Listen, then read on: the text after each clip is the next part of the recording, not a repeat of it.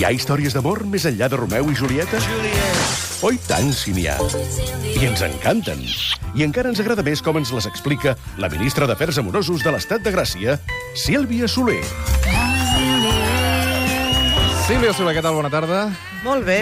Com- una, com- la veu tu una també mica, estàs fotuda de una la mica veu? agafada, És que, que diu, que- que es diu, no? Ai. Però vaja, Sí? espero que puguem eh, Bueno, la veu per- explicar com s'ho mereix la història d'amor d'avui. De què va aquesta història d'amor d'avui? Mira, és una història d'amor tràgica, em sap greu, Sherman, perquè s'enfada quan se li... No, no, crec que, crec que aquesta és de les que m'agraden. Sí, la història d'amor és molt Va bonica. millor. No, eh, ho hem explicat unes quantes vegades, però insistiré en el tema. Insistim, Les, les insistim. històries d'amor que ens criden l'atenció i que Són són... les que acaben fatal. Clar, són les que tenen un punt de tragèdia, per tant, en aquest cas també. És una història d'amor molt bonica que, a més a més, mmm, tinc ganes d'explicar-la perquè l'explicarem a partir d'una carta, és a dir, a través d'una carta entre els dos enamorats, Mhm. descobrirem tota la història d'amor que hi ha al darrere. Els protagonistes són dos intel·lectuals eh, italians, Leone Ginsburg i Natalia Levi, Uh, Natalia Levi, coneguda amb el nom de ploma de Natalia Ginsburg, és a dir, Sí, que sí. quan es va casar ja va adoptar el cognom del marit i és una autora de primeríssima línia que aprofito per recomanar moltíssim, eh, que a més a més està traduïda al català amb unes traduccions estupendes, vull dir que la podem llegir perfectament, després parlarem una mica de la seva obra, però el que sentirem és l'última carta que ell, Leone Ginsburg, va escriure a la seva dona, Natàlia, poques hores abans de morir, la va escriure des de la infermeria de la presó on havia estat torturat i finalment va morir. Està datada el 4 de febrer de 1944. Si us sembla, anem sentint fragments de la carta i a partir d'aquí sabrem coses d'aquesta història d'amor. Comencem. Som-hi.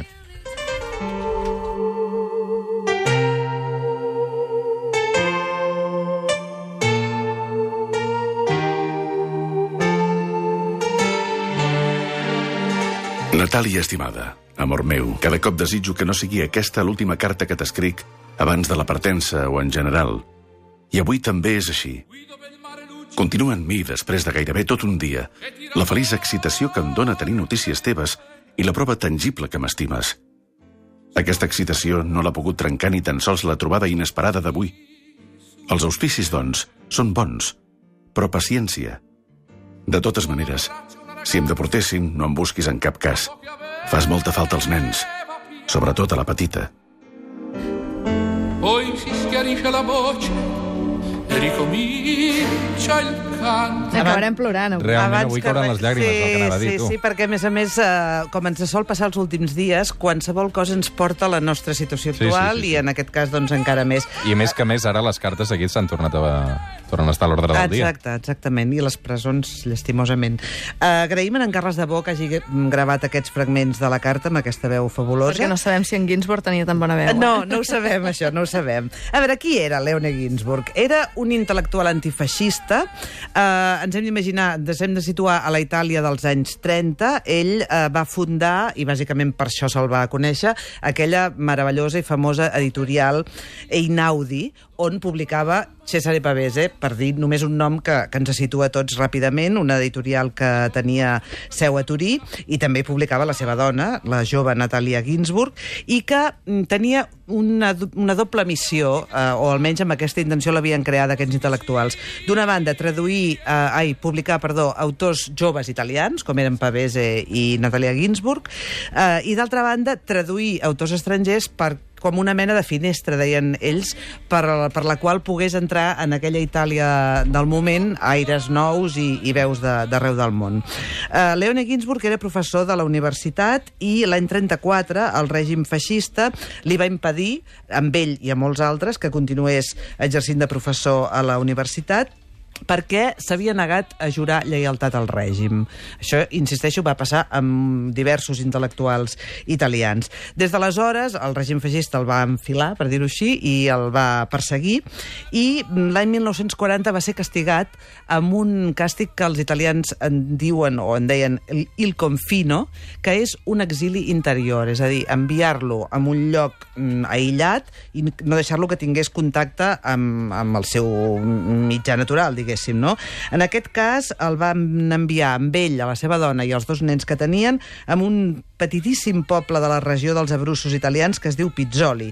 Allà va ser on Natalia Ginsburg va escriure la seva primera novel·la, L'estrada que va incitar, el camí que porta a la ciutat, i allà va néixer també la tercera filla d'aquest eh, matrimoni. Continuem sentint la carta. I jo no tindria ni una hora de pau si et sabés exposada vés a saber per quant de temps a qualsevol perill, que aviat s'haurien d'acabar per tu i no pas augmentar desmesuradament. Sé de quin conhort em privo actuant d'aquesta manera, però fora un conhort enverinat de por per tu i de remordiments amb els nens. D'altra banda, vam de desitjar que acabarem retrobant-nos i moltes emocions es refaran i s'esponjaran en el record i passaran a ser part d'un tot que esdevindrà suportable i coherent. Però parlem d'una altra cosa d'una de les coses que més m'afligeixen, que és la facilitat amb què la gent del meu voltant, i algun cop jo mateix, perd la noció dels problemes generals davant del perill personal. Intentaré, doncs, no parlar-te de mi, sinó de tu. Voleu declaració d'amor millor que aquesta última frase, no? Jo la trobo espectacular. O sigui, ell està a la presó, ell està patint tortures, ell no sap si sobreviurà i diu, mm, eh, tenim aquest risc, no?, de pensar més en nosaltres que en els altres i no vull parlar de mi, vull parlar de tu. El juliol de 1943, el Leone deixa el confinament a aquest petit poblet que dèiem de Pizzoli, perquè vol tornar a la ciutat, vol tornar a l'activitat, vol tornar a la lluita clandestina i deixa la dona i els nens a Pizzoli i ell marxa primer a Turí i després a Roma. L'1 de novembre següent, Natàlia, amb les, aquestes tres criatures petites, també se'n va a Roma i allà es retroben però només hi haurà 20 dies de retrobament, perquè 20 dies després la policia arresta a Leone Ginsburg i el porta a la presó de Regina Coeli. El meu desig és que normalitzis de seguida que puguis la teva existència, que treballis i escriguis i siguis útil als altres. Aquests consells et semblaran simples i irritants, i en canvi són el millor fruit de la meva tendresa i del meu sentit de la responsabilitat. A través de la creació artística t'alliberaràs d'aquest excés de llàgrimes que et fan un nus a dins. A través de l'activitat social, la que sigui, estaràs a prop del món dels altres. I és que de vegades jo era l'únic pont per relacionar-t'hi. D'alguna manera, tenir els nens significarà per tu una gran reserva de forces a disposició. Voldria que Andrea es recordés de mi si no m'hagués de veure mai més. Penso en ells contínuament, però intento no persistir gaire en el pensar-hi per no caure en la melancolia. A tu no et foragito mai dels meus pensaments, perquè gairebé sempre tens un efecte vigoritzant sobre meu. Reveure persones estimades aquests dies m'ha esbarat enormement, com et pots imaginar. Ara sembla que la nostra existència es normalitzi mentre esperem que canvi radicalment. Ho he de deixar aquí, perquè m'he posat a escriure massa tard refiant-me de la llum de la làmpada, que aquest vespre és particularment feble, tan forta com és de costum. Et seguiré escrivint a les fosques, sense rellegir el que escric.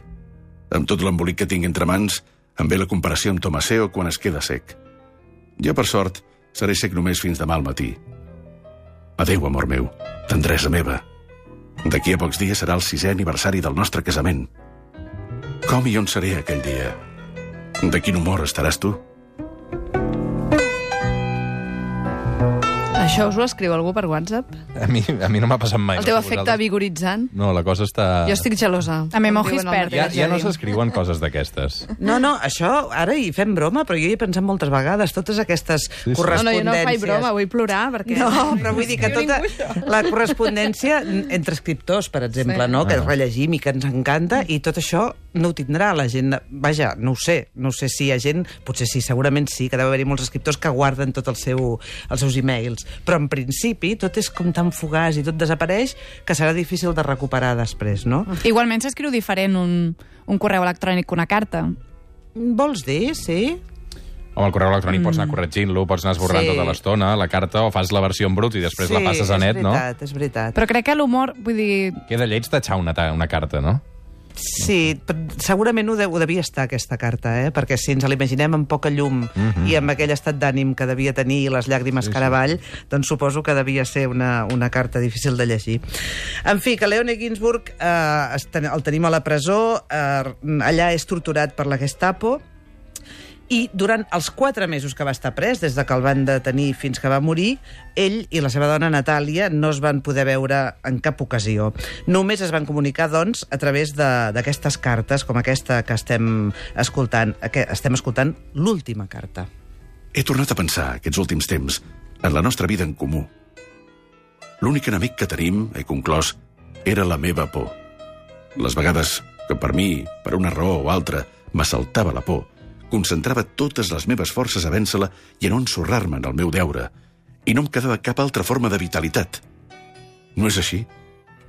Quan ens retrobarem, jo ja m'hauré alliberat de la por, i aquestes zones opaques hauran deixat d'existir en la nostra vida. Com t'arribo a estimar. Si et perdés, em voldria morir. Aquesta també és una conclusió a la qual he arribat en els últims temps.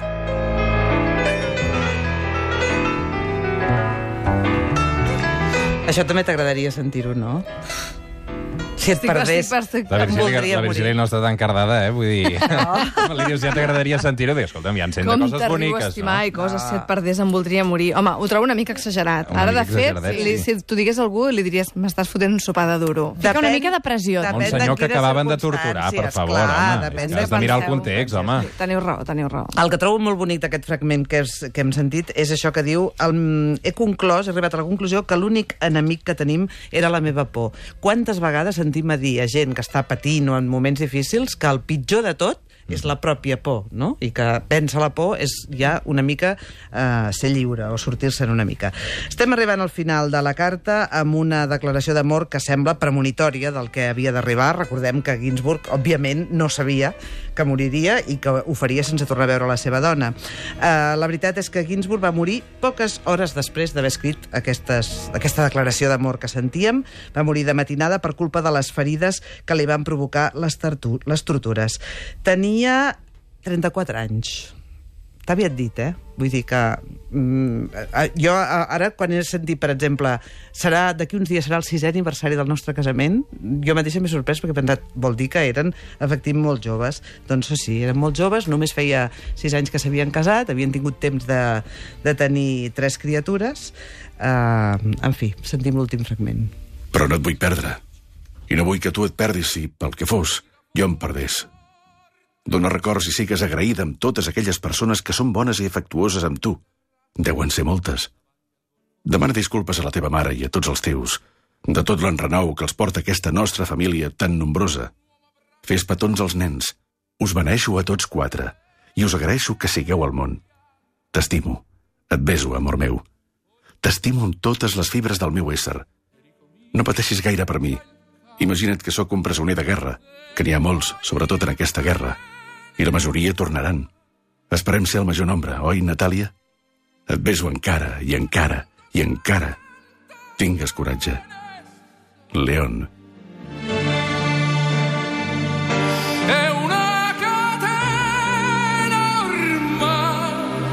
Quant de sucre, eh? Quant de sucre i aixugueu-vos les llàgrimes i traieu els mocadors, per favor. sucre com a mínim, no? És com diries tu, li surten ametlles garrapinyades als ulls. No, a mi se'm... Bueno, no Se, sé. se t'encongeix l'estómac. Se't garrapinya, Sí, se't garrapinya l'orella. totes les fibres del meu ésser.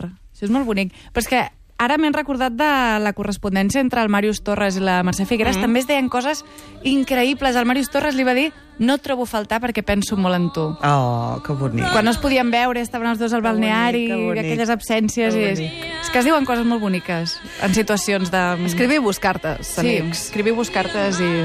Deixeu-me abans d'acabar eh, explicar que Natalia Ginsburg, després de la mort del seu marit, va tornar a treballar a l'editorial Einaudi, on havia començat, i sobretot va escriure. Va escriure molta i molt bona literatura. Recordem que en aquesta frase el seu home li recomanava. Deia, una de les maneres que tens per sortir de tot això, d'aquest drama, és la, la creació i la implicació en la, en la vida social. Va escriure novel·les meravelloses com Els nostres ahir, ahís, perdó, Les veus del vespre, Lèxic familiar, que segurament seria la meva preferida, Estimat Miquele, o La ciutat i la casa, que també és una meravella. Està prou reivindicada, Natalia Ginsburg? Ho dic perquè eh, d'altres espais també literaris, amb la Gemma Ruiz, n'ha parlat sovint, Sí. l'ha volgut sempre posar en valor, no? Sí.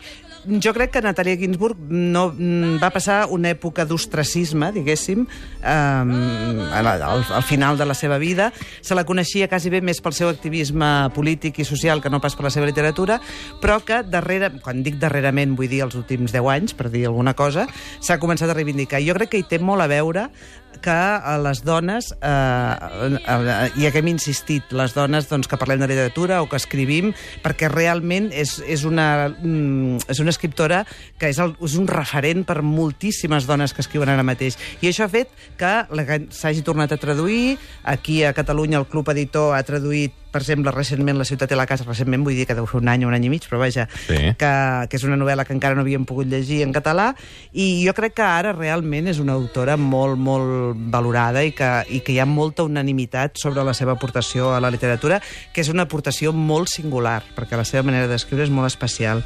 Es va tornar a casar, no? Es va tornar a casar l'any 1950 amb Gabriele Baldini, estudiós de literatura anglesa. Se'n van anar a viure a Roma, va guanyar el Premi Estrega, com probablement sabeu, va participar molt, com dèiem, en política i en la vida cultural de la ciutat, i, per tant, va seguir, podríem dir-ne, les recomanacions de Leone Ginsburg, va superar la mort del seu home a partir de la creació artística i de l'activitat social, i ens va deixar un llegat impressionant que, insisteixo, que si algú no l'ha descobert encara, hi som a temps. Meritxell Cucurella Jorba és la traductora de la majoria de les obres de Ginsburg al català i també una estudiosa de la seva obra, i en el seu blog del desig eh, ha estat on jo he descobert aquesta carta entre ells dos i per tant li agraïm moltíssim la, la seva feinada. És una gran entesa. amb I això que de deia Ginsburg. Sílvia, que és molt possible que si anem a una llibreria i, Mm. i demanem, per exemple, una autora dona, Mm. um, jo crec que pot estar sempre a les travesses, eh? que ens Sí. Recomanin una Ginsburg. Sí, sí, sí, sí. A més, ja et dic, hi ha moltes eh, escriptores actuals, eh, per exemple, la- l'amiga la, Gent Díaz, que moltes vegades Sí. hi hem parlat, doncs eh, eh, recordo el dia que ens vam conèixer que la primera cosa que ens va fer mm, sentir-nos que teníem una simpatia mútua era que totes dues eren fanàtiques de Ginsburg, i realment és veritat, que té una manera de fer molt especial, una manera de d'escriure posant el focus en la, en, la, en la cosa més domèstica, diguéssim, i en les relacions eh, familiars, eh, que si us interessa doncs, aquest món, doncs és excel·lent, excel·lent. Si n'haguessis d'escollir un d'aquests per regalar per Sant Jordi... Mm. Ja et dic, jo, la- la- l'èxit familiar és una novel·la espectacular que a mi m'ha agradat molt sempre i que parla d'aquell llenguatge que a totes les famílies tenim que no entén ningú de fora, però nosaltres sí, diguéssim. Eh, però La ciutat i la casa, que és l'última que es va traduir, jo trobo que és una novel·lassa i aquesta la, la regalaria sense problemes. Mm -hmm. Doncs Sílvia Soler, moltes gràcies per aquesta història d'amor, eh, també llagrimosa en aquest cas. Eh, Sí. Les que vindran seran més optimistes o no? Uh, ho intentarem, ja. Jo m'hi esforço Mira, eh, mentre ell no molt. sigui un maltractador, Sílvia, Bueno, hi ha finals com en el feliços, cas eh, de. Rodeo, Oh, oh, estàs demanant massa coses, eh? No, no, intentarem que sigui una història d'amor feliç i intentarem que no s'hagin d'escriure gaires eh, cartes des de la presó, també. Això també ens agradaria. Tindràs temps de marxar aquesta Setmana Santa, Sílvia? Una miqueta, sí. Una mica, molt a prop, un molt a prop, dies. molt a prop, sí. Una abraçada ben forta, moltes Igualment, gràcies. moltes gràcies. Ni la vie